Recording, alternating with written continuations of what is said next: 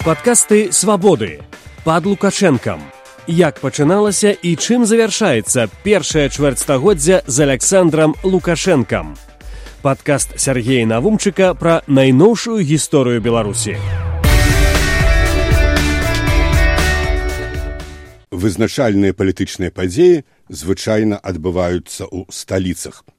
У найноўшай гісторыі Беларусі ёсць адзін сюжэт, які разгортаваўся не ў Менску і нават не ў абласным цэнтры, а ў невялікім раённым гарадку, але істотна паўплываў не толькі на палітычны лёс галоўнага ўдзельніка, але і на лёс, як мне падаецца беларускай дэмакратыі ўвогуле.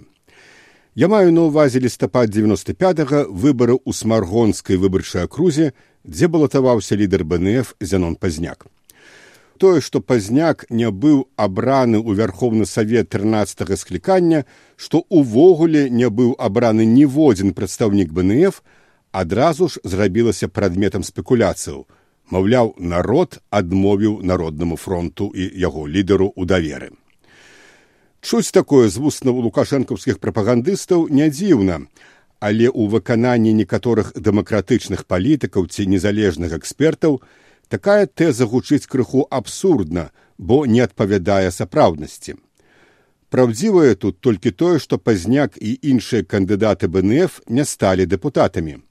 Але даверці недавер народа тут ні пры чым. Прычым, масавыя фальсіфікацыі і чорныя тэхналогіі на выбарчых участках, якія выпрабаваныя на прадстаўніках БНФ, неўзабаве будуць прымененыя і ў дачыненні ўжо да прадстаўнікоў іншых дэмакратычных арганізацый. І цягам дзесяцігоддзяў ніхто з іх у тое, што завецца ў Беларусі парламентам, дапушчаны не будзе.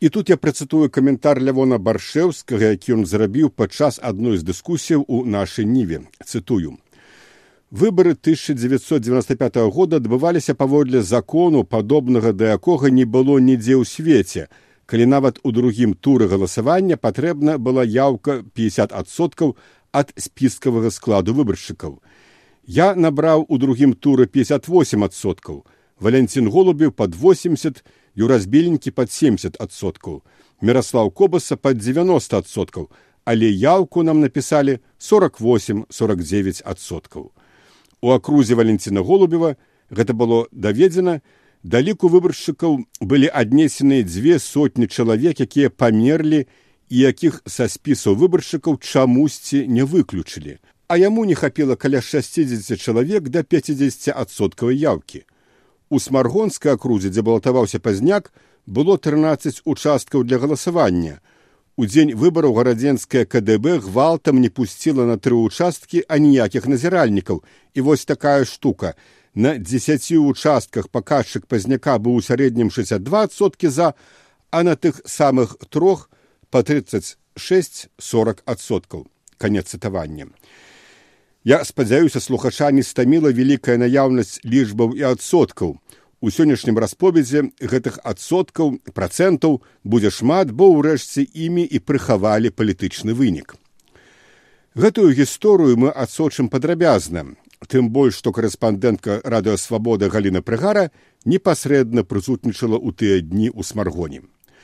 Нагадаю, што на выбарах у траўні 95 ў вярховны савет 13 склікання не быў прапушчаны ніводзін кандыдат ад БНФ, у тым ліку і лідар фронту. Парламент увогуле не быў абраны і спатрэбіліся да выбары іх прызначылі на лістапад 95. -го. Чаму пазняк абраў смаргонь? Тут некалькі прычынаў. Адна з іх тое, што на прэзідэнцкіх выбарах 94 -го года у смаргонскім раёне пазняк набраў найбольшую колькасць галасоў, але не толькі. Вось што перадавала на хвалях свабоды галіна прыгара. Смаргонь была абрана невыпадкова.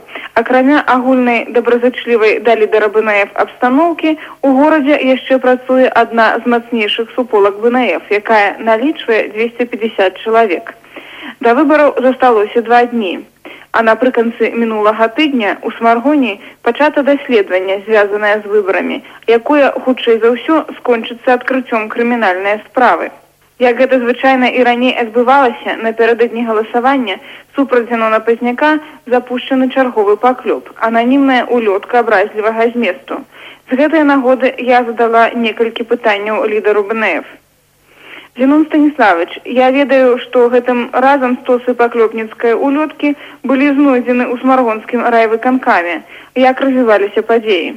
Літаральна недавно, 24 ў пятніцу у райвыканкаме у адным з пакояў, які належыць ветэранскай арганізацыі, выяўлены цэлы стос паклёпніцкіх лістовак супраць мяне дзе мяне называюць і гітлерам і фашыстам і брудна адзываюцца пра маю маці мяне і лістоўка не падпісана ананімная якія ўдалося зрабіць захады да высвятлення аўтара улёткі ды магчымага законнага пакарання распаўсюджвальнікаў?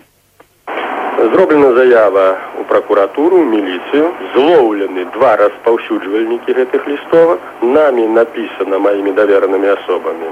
Заява ў прокуратуру аб узбуджэнні справы. Гэта крымінал. І павінен сказаць што пять год хадзілі такія лістоўкі іх мільёны было раскідана па беларусі і ніколі не ўдавалася злавіць іх распаўсюджвальнікаў вось нарэшце злавілі ў смаргоне такое ўражанне што гэтыя людзі забылі пра ўсё. Пра законы пра мараль пра прыстойнасць. І просто відаць ашалелі ад жаху і ад ненавісці. Кінуты ўсе сілы туды не зважаюць ні на закон ні на прыстойнасць і на гэтых бедных смаргонскіх людзей накінуліся зараз гэтыя агітатары адначальства але у не думаю что будзе вялікі вынік потому что смаронскія люди разумныя спокойныя і я думаю не здольныя самі разобрацца что да чаго.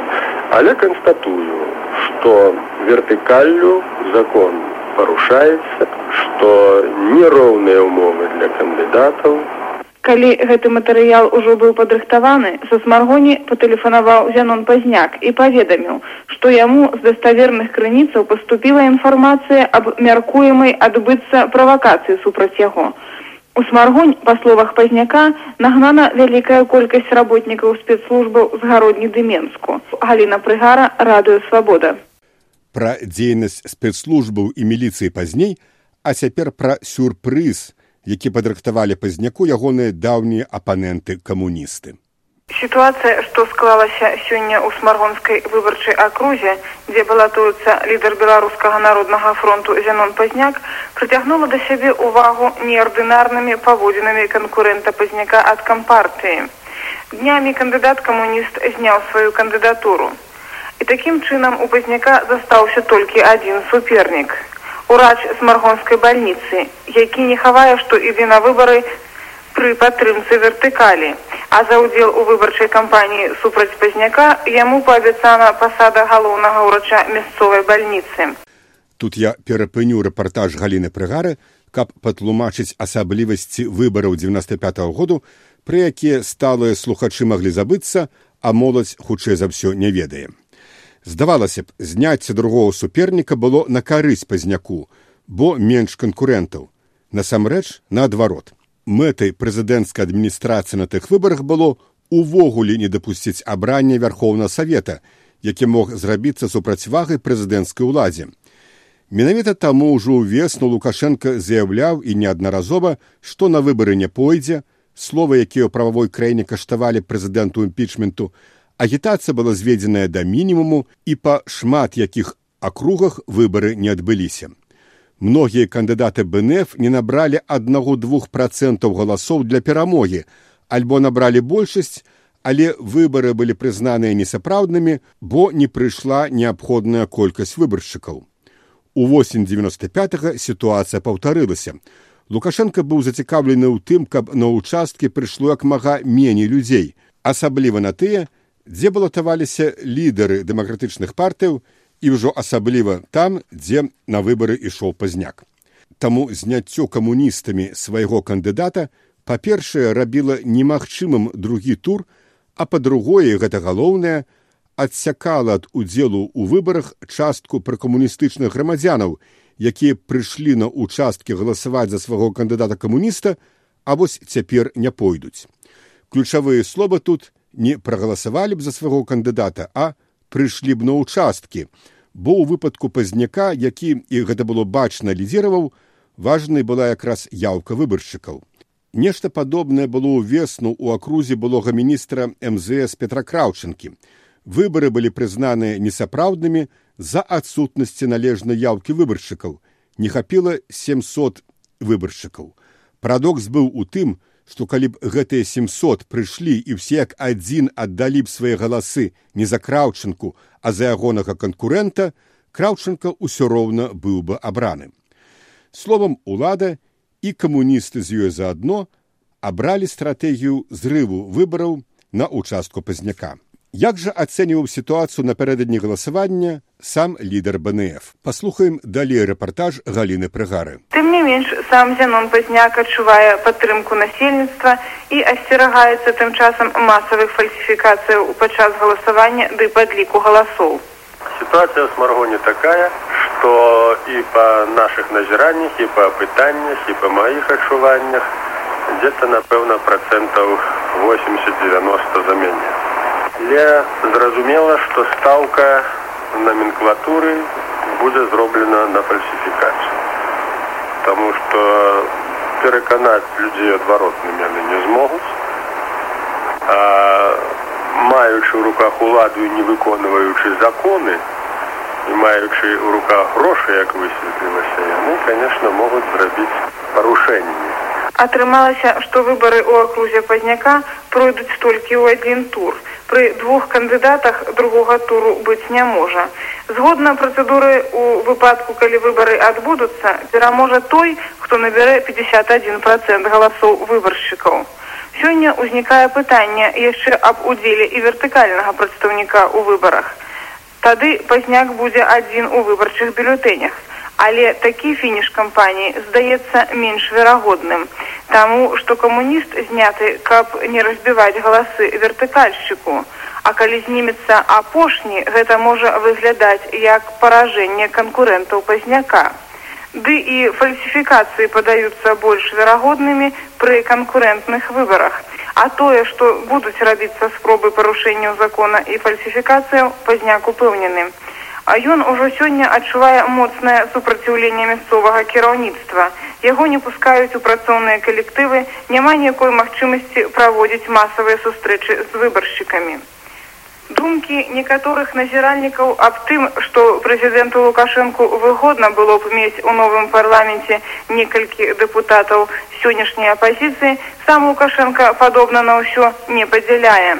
Апошнія яго публічныя выступы вызначаюцца рэзкай крытыкаю кандыдатаў дэмакратаў, а вертыкальная ўлада, што праводзіць палітыку прэзідэнта на месцах, чыніць усялякія шкодніцтвы дэмакратычным кандыдатам. Перамога пазняка між тым на выбарах станецца не толькі вырашальнай у адносінах прэзідэнт БНФ, але і можа аказаць значны ўплыў на далейшы дэмакратычны працэс на Беларусі. Таму пазняк звяртаецца да міжнародных назіральнікаў, беларускіх і замежных журналістаў не пакінуць без увагі выбарчы працэс у яго смаргонскай акрузе. Галіна Прыгара, радыё свабода Менск. Падкасты свабоды пад лукашэнкам як пачыналася і чым завяршаецца першае чвэрцьстагоддзя з александром лукашэнкам? Падкаст сергея навумчыка пра найноўшую гісторыю беларусі.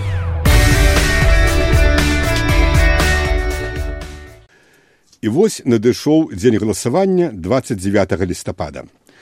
На участках у акрузе пазняка назіральнікамі ад бнф былі зафіксаваныя шматлікія парушэнні прычым некаторыя кіраўнікі участковых камісіяў рабілі гэтае парушэнне адкрыта нічога і нікога не баючыся. Міліцыя ж на ўчастках не дапускала назіральнікаў да кантролю над падлікам галасоў. Для перамогі пазняку не хапіла трох процентаў. Пры гэтым аказалася, што больш як дзве тысячи чалавек сапсавалі бюлетэні, альбо выкрэслілі абодвух кандыдатаў, альбо не выкрэслілі нікога. Такія бюлетэні бываюць на ўсіх выбарах і на ўсіх участках, але вось гэтым разам у акрузе пазняка іх колькасць 13 процентаў аказалася несувымерна вялікай. Карэспандэнтка свабоды галіны прыгара на свае вочы бачыла парушэнні. Смаргонская выбарчая круга, дзе балатаваўся лідар БНФ Зянон Пазняк, ужо пасля першага туру галасавання засталася без дэпутата Верхоўнага Савета. Адзіная на Беларусі, дзе пры ўдзеле 67% выбаршчыкаў галасаванні выбары не адбыліся. Выбіралі смаргонцы сабе дэпутата з двух кандыдатаў. Таму, згодна закону аб выбарах дэпутатаў Верхоўнага Савету Рэспублікі Беларусь, у першым туры перамагае той, хто ўзяў больш 50% галасоў выбаршчыкаў. А трэцяй гадзіне раніцы сталі вядомыя папярэднія вынікі галасавання прыняло удзел у выбарах 67% грамадзянаў. Гэта 16 815 чалавек. За пазняка прагаласавала 7907. Гэта 47 адсоткаў. За ягонага канкурэнта Святослава Савіцкага 6735 грамадзянаў. Гэта значыць 40 адсоткаў. Такім чынам ні адзін не набраў належную згодна закону аб выбарах падтрымку больш чым паловы выбаршчыкаў. Дэпутат не стаў абраным таму, што з яго галасоў выпалі несапраўдныя бюлетэні, дзе не выкрэслены два прозвішчы кандыдатаў, ды тыя бюлетэні, дзе выбаршчыкі выкрэслілі абодвух. Атрымалася, што такіх 13 процентаў прыкладна 2185 чалавек. Адразу падаецца сумнеўным, што столькі людзей спецыяльна прыйшлі на выбарчыя участкі, каб выкрасліць дваіх ці пакінуць у скрынцы чысты бюлетень. Акрамя ўсяго іншага, для сумневу ёсць яшчэ больш істотныя падставы. Фактычна, ні на адным выбарчым участку ў смаргонскай акрузе не было магчымасці наладзіць належны кантроль. Міліцыянты ды члены камісіяў перашкаджалі назіральнікам хадзіць па выбарчым участку, каб сачыць за працэсам выдачы бюлетэню. На некаторых выбарчых участках падчас падліку галасоў назіральнікі не былі дапушчаны да нагляду. Ім проста дазволілі праглядзець ужо потым сфармаваныя стосы. Складзены шмат пратаколаў аб парушэннях але ў большасці выпадкаў назіральнікам прыходзілася выслухваць нешта накшталт складайце якія заўгодна паперы пішыце скаргі а мы будзем рабіць тое што нам трэба. Напрыканцы галасавання зянону пазняку прыйшлося звяртацца з пісьмовымі заявамі да прокурора горада ды старшыні акруговай выбарчай камісіі з папярэджаннямі аб мяркуемых адбыцца падтасоўках ды іншых парушэннях закона размаўляў пазняк з гэтай нагоды і з старшынём КДБ ягоравым дзяжурным прокурорам генпракуратуры прадстаўнікамі цэнтральнай выбарчай камісіі ў менску. Але такі вялікі працэнт сапсаваных бюлетэняў ды тых дзе выкрэслены абодва кандыдаты ўсё ж такі наводзіць на думку што захады пазняка мелі толькі адносны плён. Калі ўвогуле на беларусі працэнт такіх бюлетэняў набліжаецца максімум да пяці то у акрузе пазняка гэта трынаццаць як сказала пры сведках у тэлефоннай размове з прадстаўніком мясцовыя выканаўчыя ўлады адна са старшыняў камісіі зрабілі ўсё што маглі не магу ўстрымацца ад гэтых загадкаў бо сама я была сведкаю шматлікіх парушэнняў участковымі камісіямі ды вялікага іх супраціўлення перад кантролем назіральнікаў. Смаргонь такім чынам засталася без дэпутата. У кандыдатаў ёсць законнае права абскардзіць вынікі галасавання не пазней, чым сёння. Пазняка ж наўрад ці можна будзе саркастычна папракнуць у правале, як гэта зрабіла карэспандэнту РТ сёння Людміла Вілюга. У лідара БНФ фактычная перамога па большасці набраных прыхільнікаў. Варта тут зазначыць і адпаведную тактыку канкурэнтаў пазняка. Тое, што зняўся апошнім часам з удзелу камуніст, утварыла сітуацыю выбараў у адзін тур.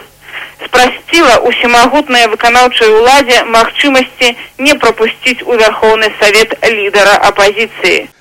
А цяпер яшчэ адзін рэпартаж пра заяву пазняка ў цэнтры выбаркам, але спачатку вядучая праграма паведаміла пра зласлівую рэакцыю афіцыйных сМ на тое, што адбылося ў смаргоне. Да вынікаў выбараў у смаргонскай акрузе.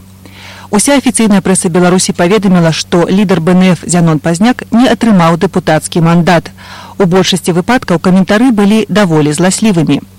За развіддзём сітуацыі працягвае сачыць Галіна Прыгара. газета рэспубліка змясціла матэрыял белта дзе гаворыцца што цытую смаргонском округе, где баллотировался лидер БНФ Зенон Поздняк, было два претендента на депутатский мандат. Поскольку Зенон Поздняк не набрал нужного числа голосов, то, по-видимому, во второй тур голосования он не пройдет. Конец цитаты. Пры гэтым завоўчваецца, што другі тур у смаргоне не адбудзецца ўвогуле. Між тым увечары 30 лістапада адбылася падзея, якая наўрад ці атрымае асвятленне ў афіцыйнай прэсе. Таму ёсць патрэба распавесці пра яе падрабязна. Зянон пазняк скарыстаў магчымасць нададзеную законам і абскардзіў вынікі галасавання па сваёй смаргонскай акрузе. У цэнтральную выбарчую камісію пададзена заява пазняка аб парушэннях закону падчас падвядзення вынікаў галасавання ды падчас саміх выбараў. Пазняк адзначае наступныя факты парушэнняў закону. У смаргонскай бальніцы бюлетэні выдаваліся людзям без прад'яўлення пашпарту. Акрамя таго, хворыя мелі яшчэ магчымасць прагаласаваць і па месцу жыхарства, пакольку іх прозвішчы былі і ў іншых спісах. Старшыня участковай выбарчай камісіі прызнала факт парушэння закону і падпісала пратакол, складзены на гэты конт. На некаторых выбарчых участках складаліся спісы непрагаласаваўшых грамадзянаў на вачах назіральнікаў, а на патрабаванне паказаць гэтыя спісы члены камісіі адказвалі. Сачыненне, маўляў, пішам. По загаду з гарвыканкама у кожным спісе выбаршчыкаў адзначаліся па 20 чалавек з непрагаласаваўшых. Акрамя таго, шмат бюлетэняў выдавалася без пашпартоў. Амаль паўсюдна назіральнікі не мелі магчымасці сачыць за правядзеннем выбараў. Ім не дазвалялася правяраць адпаведнасць прозвішчаў у пашпарце і ў спісах. А падчас падліку галасоў міліцыянты перашкаджалі назіральнікам сачыць за падлікам. Милициянты становились паміж назиральниками и столом, где велся подлик, и спинами закрывали стосы бюллетенев. И, как вядома, подлик голосов почался у 10 годинов вечера, 29 листопада. А на четырех участках у Смаргоні штучно затягивался этот подлик голосов до трех годинов ночи. Видать, комиссии чекали выники голосования по інших участках. Пазняк падчас выбараў звяртаўся з заявамі да прокурора смаргоні і старшыні круговай смаргонскай гарадской камісіі з інфармаваннем аб некаторых фактах парушэнняў. Але службовыя асобы не наладзілі належным чынам кантроль за галасаваннем і падвядзеннем вынікаў. Таму, акрамя заявы ў цэнтральную выбарчую камісію, Зенон Пазняк напісаў і зварот да выконваючага абавязкі генпракурора капітана. По заяве Пазняка у Центральную выборчую комиссию повинна быть утворена комиссия для проверки фактов порушения закону у Смаргоне. Подтверждение фактов проверкой у комиссии могут стать подставой для скасования выников голосования у Смаргонской выборчей окрузе. Аднак варта заўважыць, што заява пазняка з абскарджаннем вынікаў галасавання не першая ў гісторыі выбараў на Беларусі, але раней фактаў скасавання вынікаў выбараў не было. Застаецца спадзявацца на аб'ектыўнасць гэтыя праверкі цэнтральнай выбарчай камісіі. Галіна Прыгара, радыё свабода Менск.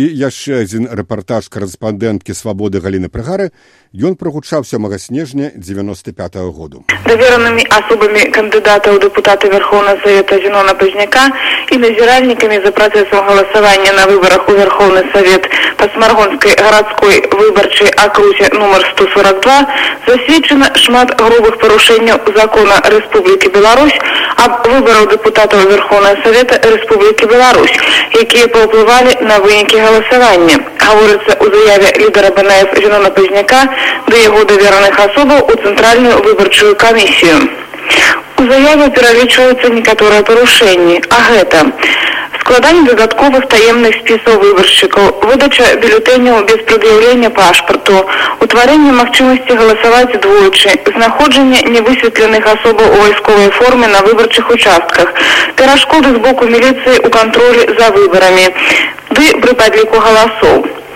Вось што сказала ў інтэрв'ю радыё свабода спадарыня Людміла Праляскоўская, якая была назіральнікам у смаргоне. Я была наглядальнікам на девятом участку, это пятая школа в Смаргоне. И, ведаете, уже несколько год я удельничаю в выборах. Была у складе комиссии участковой, была наглядание на армянских участках, але такого я еще не бачила и навіть не ведала, что так ось магчыма. Самі обставины такие, что нельзя лишний раз пройти, никаких пытаний, никаких заўваг нельзя рабіць. Але мы все ж таки рабілі свою справу і кожны бюллетень лічылі. Ну а самае цікавае пачалося при подліку.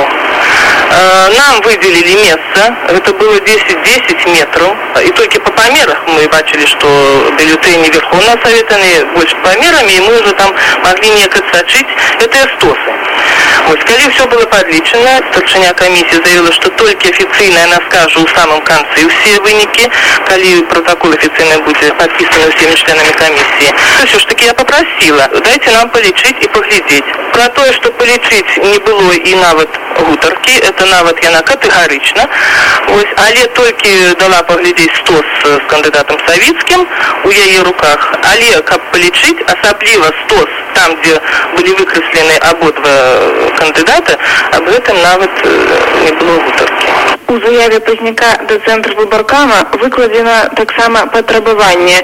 Цытую у прысутнасці давераных асобаў пазняка пераправерыць усе складзеныя спісы выбаршчыкаў і вынікаў галасавання а таксама падвойнага галасавання выбаршчыкаў якія ўнесены ў дадатковыя спісы. З улікам і іншых парушэнняў просім разгледзець пытанне аб ануляванні вынікаў выбараў альбо зніжэнні колькасці выбаршчыкаў прыняўшых удзел у выбарах і перагляду у сувязі з гэтым вынікаў галасавання.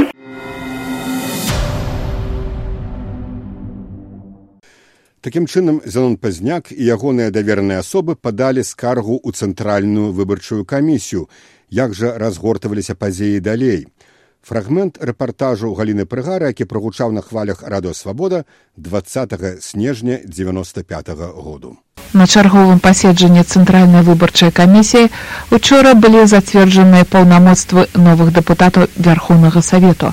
Апрача іншага разглядаліся скаргі кандыдатаў у дэпутаты парламенту з нагоды сур'ёзных парушэнняў закону аб выбарах было ўзнятае і пытанне аб смаргонскай акрузе, дзе балятаваўся зянон пазняк, паведамляе галіна прыгара. Камісія цэнтру выбаркама, што працавала ў смаргоне, вярнулася ў мінск з пацверджаннямі шматлікіх фактаў парушэння закону падчас правядзення выбараў. Але на гэтае парушэнне члены камісіі атрымалі такія сякія быццам бы лагічныя тлумачэнні ад смаргонскіх арганізатараў выбараў. Аднак у Зянона Пазняка і яго групы падтрымкі ёсць дакументы і пацверджанні грубейшых нават крымінальных парушэнняў, гаворыць Зянон Пазняк. Прадстаўлена 9 пратаколаў, шмат дакументаў і сведчанняў аб парушэннях у смаргоне. Такім чынам было сказано аб тым, што завышана колькасць выбаршчыкаў, што неадпаведнасць спісачного склада ў пачатку ў канцы галасавання і нават па тых акругах, якія раней скончылі галасаванне, таксама разыходзяцца звесткі днём і вечарам. Таксама галасавалі без пашпартоў, бюллетени не гасили отповедным чином и так далее. Все это было рассказано, представлено протокол, обґрунтовано. Таму цэнтр выбаркам быў вымушаны прыняць рашэнне працягнуць вывучэнне справы. Ізноў камісія цэнтр выбаркама паедзе ў смаргонь. Зусім магчыма, што цяперашняе даследаванне будзе ўжо весціся з удзелам пракуратуры, А ці ёсць у самога пазняка надзея, што будзе станоўчы для яго вынік ад гэтай працы? Будем спадзявацца, што яно дасць нейкі вынік, хаця камісія ўсім сваім выглядам сведчыць аб тым, што ёй пажадана было б не рабіць рэзкіх рухаў. Думаю, што у гэтым выпадку ўсё ж такі придется рабіць такі рэзкі рух, альбо браць грэх на сваю душу.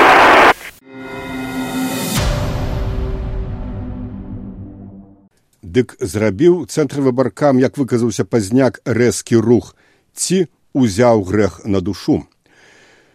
Вывучэнне парушэнняў працягвалася тады, калі ўжо пачаў працаваць новы вярхоўны савет. Парушэнні былі не ў аднаго пазняка, але і ў іншых кандыдатаў ад беларускага народнага фронту. Некаторым для абрання не хапіла некалькіх дзясяткаў галасоў. 9 студзеня ўжо новага 96 -го году радыёвабода паведамляла. Першая сесія новага парламенту пачала працаваць, а тым часам працягваецца высвятленне і доследы парушэнняў закону ў асобных акругах падчас падрыхтоўкі выбараў і падліку галасоў, перадае Галіна Прыгара. Вядома, што з заявамі ў цэнтральную выбарчую камісію на наступны дзень пасля выбараў звярнуліся трое прадстаўнікоў беларускага народнага фронту. Янон Пазняк, Юраз Беленькі ды Валентин Голубеў патрабаваннямі вывучыць парушэнні падчас выбараў у іх акругах. У смаргонскай акрузе пазняка двойчы працавала спецыяльная камісія ад цэнтральнай выбарчай камісіі. Вядзецца вывучэнне парушэння акрузе Юрася Беленькага. А Валентин Голубеў днямі атрымаў спецыяльную даведку аб выніках праверкі фактаў парушэння ў яго 232 любімаўскай акрузе. Нагадаю сэнс гэтай заявы голубева ў цэнтральную выбарчую камісію.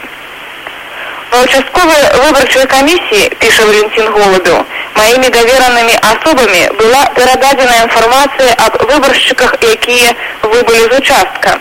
Гэта памерлыя ды прызваныя на тэрміновую службу ў армію. Нам было паабяцана зрабіць адпаведныя ўдакладненні. Аднак 11 снежня гаворыцца ў заяве старшыня камісіі нумар 40 сцепанюк паведаміў, што выключаць са спісаў выбаршчыкаў, якія выбылі яму было забаронена работнікам маскоўскага райвыканкама Менску з падаром Дземяшкевіча. Больш таго, паведамляе Валентин Голубеў, паміж першым і другім турамі галасавання колькасць выбаршчыкаў на участку нумар 40 павялічылася з 3001 до 3045 чалавек паколькі забарона выключаць са спісаў сыходзіла зайвы канкама ёсць падставы лічыць што забарону выключаць са спісаў памерлых да прызваных на тэрміновую службу армію атрымалі не толькі на згаданым сорокавым участку а і на астатніх 12 адзначаецца ў заяве голубева Голубу звяртаюцца ў цэнтральную выбарчую камісію і з просьбаю установіць сапраўдную колькасць выбаршчыкаў у любімаўскай 232 выбарчай акругі у адпаведнасці з артыкулам 21 закона аб выбарах дэпутатаў Верховнага Савета Рэспублікі Беларусь. Вынесці канчатковае рашэнне на падставе сапраўдных дадзеных. Праверкаю цэнтральнай выбарчай камісіі былі пацверджаны неправільныя нумерацыі спісаў участку нумар 40 у выніку якой колькасць выбаршчыкаў у спісах павялічылася на 11 чалавек. Знойдзены таксама і 8 памерлых людзей, унесеных у спісы. Такім чынам, толькі на адным выбарчым участку выяўлена парушэнне да тэхнічная памылка ў спісах на 19 чалавек.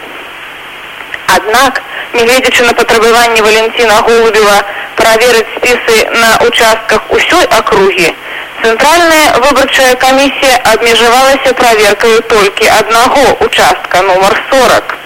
І тлумачыцца гэтае ўдавецца ЦВК проста. Голубеў не назваў канкрэтныя факты парушэнняў на астатніх 12 участках. Таму выбарчая камісія не лічыць неабходным праводзіць там праверку. Заўважу, што такі падыход ЦВК да праверкі нават фармальным назваць цяжка. Ён проста абыякавы. Відавочна, што калі на адным з 13 выбарчых участкаў парушэнне, то на астатніх яны таксама не выключаны. Каб выбары лічыць адбыўшыміся, трэба зменшыць колькасць спісаў на 67 памылкова туды унесеных выбаршчыкаў.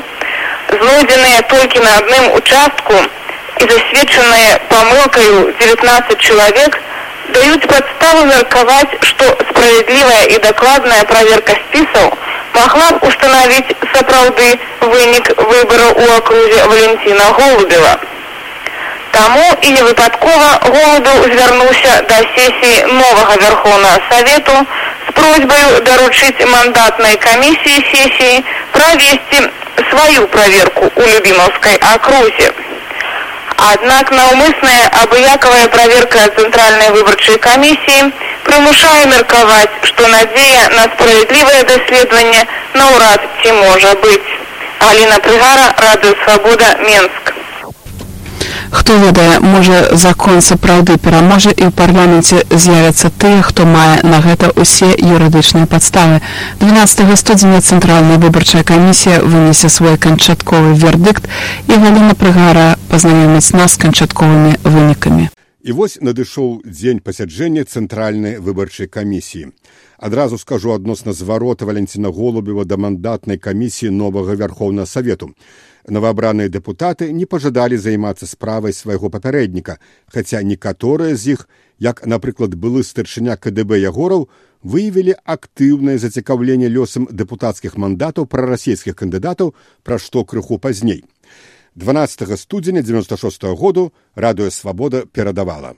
Ужо ў дзень выбараў 29 лістапада наш корэспандэнт Галіна Прыгара, якая знаходзілася ў смаргоне, дзе балатаваўся лідар БНФ Жанон Пазняк, прыводзіла ў рэпартажы факты відавочных парушэнняў заканадаўства. Сённяшні ейны матэрыял прысвечаны канчатковым вынікам праверкі, якую правяла цэнтральная выбарчая камісія. Паседжанне камісіі адбылося 11 студзеня. Адзін толькі пералік парушэнняў дытлумачальных запісак, які зрабіў член цэнтральнай выбарчай камісіі Алесь Жук, заняў палову гадзіны. Адзначу, што некаторыя з фактаў нікім так і не былі патлумачаныя. Да прыкладу, засталося невядома, што за людзі ў вайсковай форме знаходзіліся на некаторых участках. Большае жа тлумачэнняў выглядаюць даволі спрэчна і несур'ёзна.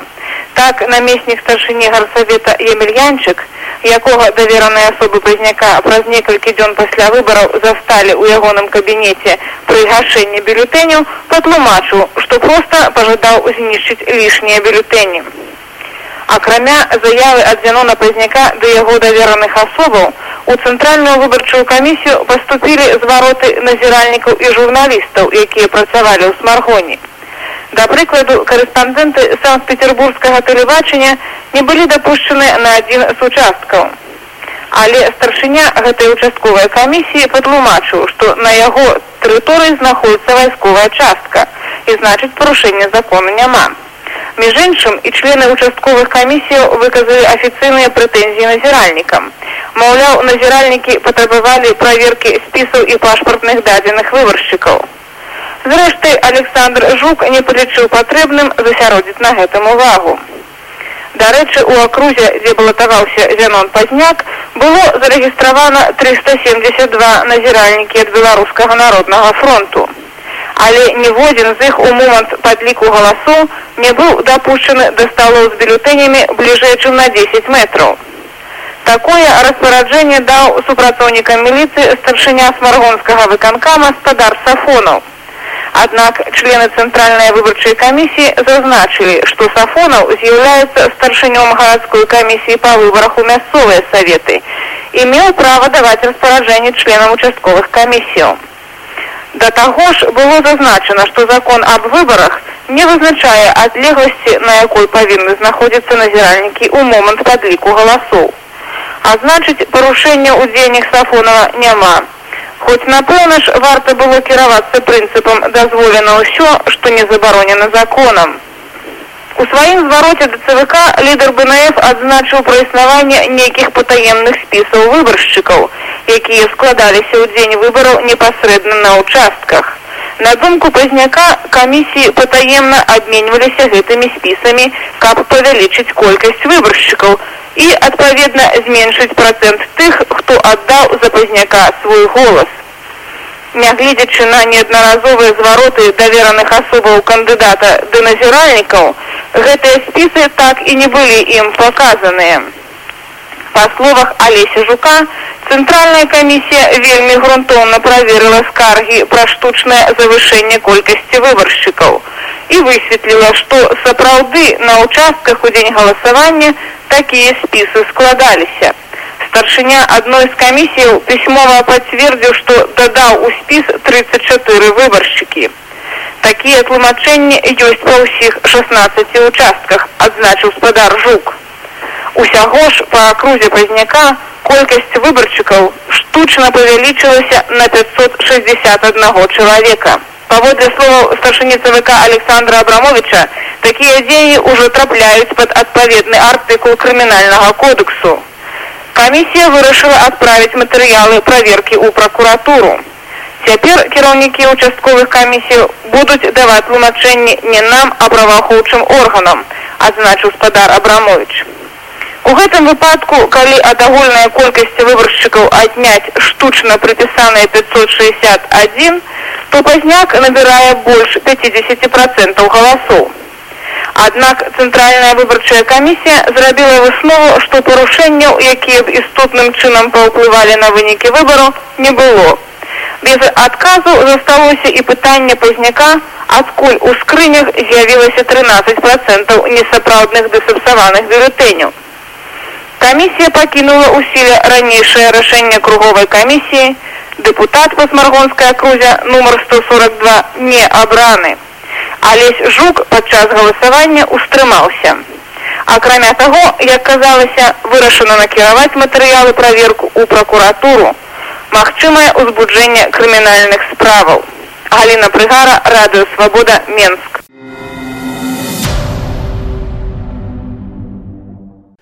Такім чынам, выслухаўшы пералік парушэнняў па акрузе лідара БНФ пазняка, зроблены тут я падкрэслю не грамадскай камісіі, не камісія БНФ, а членам цэнтральнай выбарчай камісіі, цэнтральная выбарчая камісія не знайшла парушэнняў. Не ўбачыць іх і пракуратура. Пазняк дэпутацкага мандату не атрымае.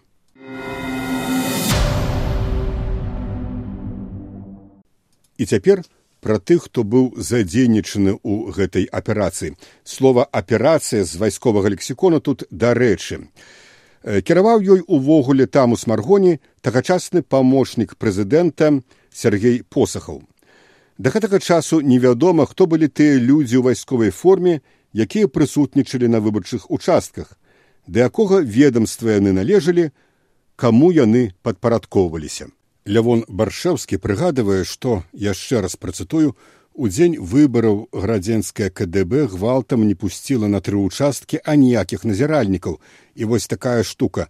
На дзесяці ўчастках паказчык пазняка быў у сярэднім 62 процента за, а на тых самых трох па 36-40 процентаў канец цытаты.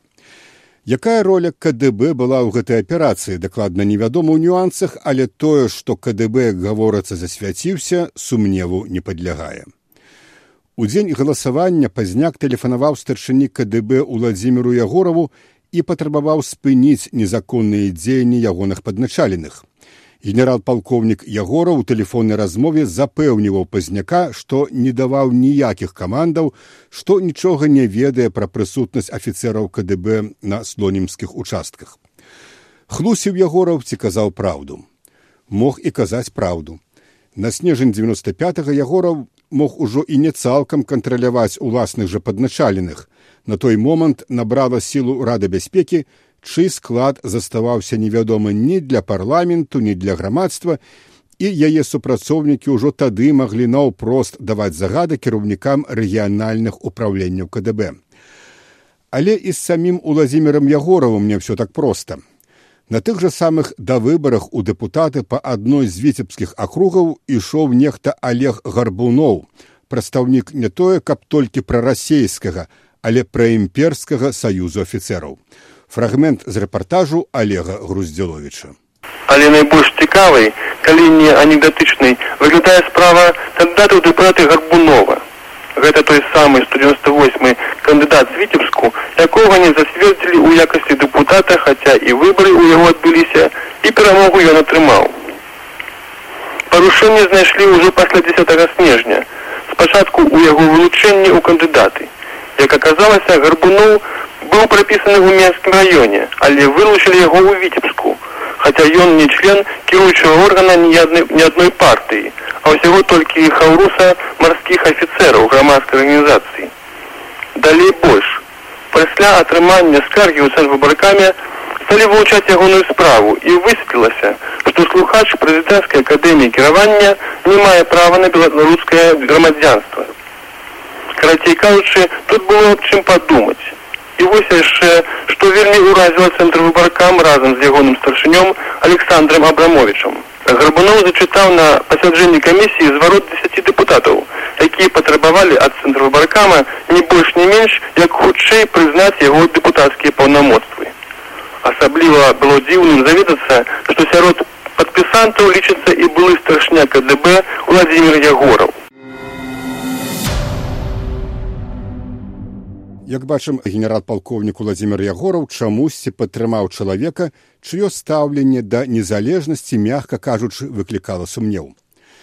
Між іншым у студзені 94 дэпутаты апазіцыі БНФ верхоўным савеце 12 склікання былі ці не адзіныя, хто падтрымаў ягорава ў ягоным змаганні з кебічым і хто спрабаваў уратаваць ягорава ад адстаўкі, але праз два гады Ягораў і слова не скажа ў абарону кандыдатаў БНФ, на ўчастках якіх закон відавочна парушаўся.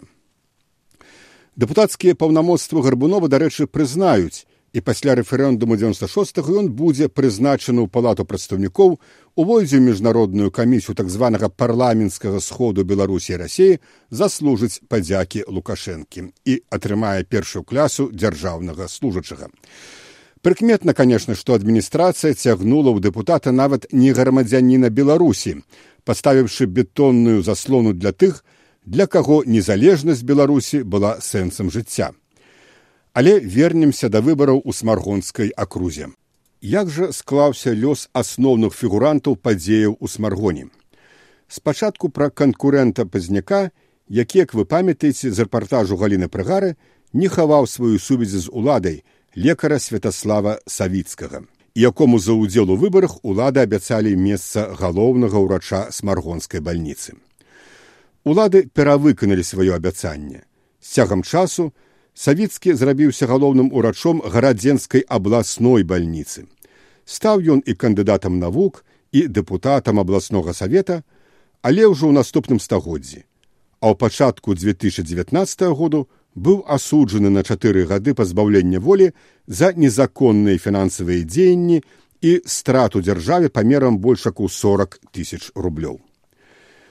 Памочнік прэзідэнта палкоўнік Сергей Посахаў, які ад адміністрацыі быў адным з каардынатараў выбару па смаргонскай акрузе, потым адыграў сваю ролю ў супрацьстаянні вярхоўнага савета з лукашэнкам і рэферэндуме 96 -го году, пра які мы асобна пагаворым іншым разам у адным з тэлевізійных эфіраў посахаў адправіць апазіцыю гаўкаць на бангалор.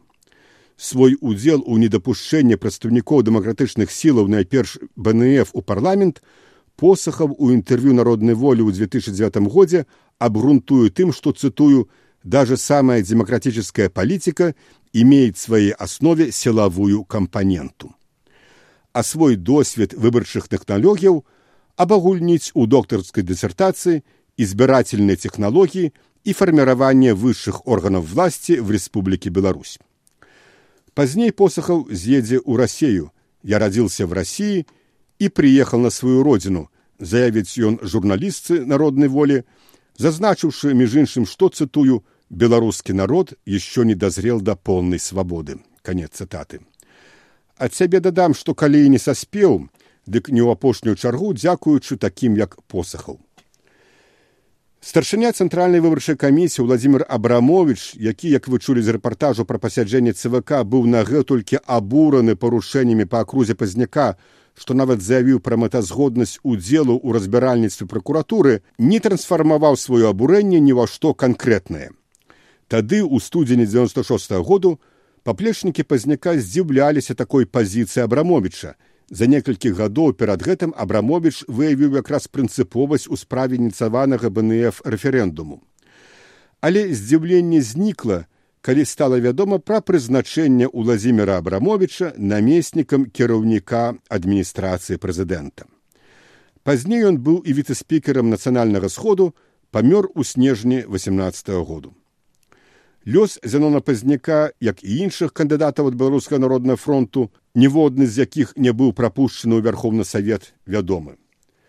спашлюся зноў жа на словы лявона баршэўскага які лічыць што ў выпадку прысутнасці пазняка на сумнавядомых начных перамовах кіраўніцтва вярхоўнага савету прысутнасці так званага крамлёўскага дэсанту вынікам якіх быў правал імпічменту ў лістападзе 96 пазняк здолеў бы не дапусціць падпісання гэтага пагаднення. Сам зянон пазняк казаў што папросту за каўнер выцягнуў бы спікера шарэцкага за стала ведаючы пазняка асабіста я ў гэтым не сумняюся. Але для таго каб гэта адбылося пазняк павінен быў бы прысутнічаць на падпісанне пагаднення як прысутнічалі там дэпутаты карпенка ці калякін. А гэта было б магчымым толькі ў тым выпадку калі б ён пазняк быў дэпутатам вярхоўна савета тринадцатого склікання. Але пазняк у вярхоўны савет прапушчаны не быў як і ніхто з іншых кандыдатаў ад бнф падкасты свабоды пад лукашэнкам. Як пачыналася і чым завяршаецца першае чвэрцьстагоддзя з александром лукашэнкам? Падкаст сергея навумчыка пра найноўшую гісторыю беларусі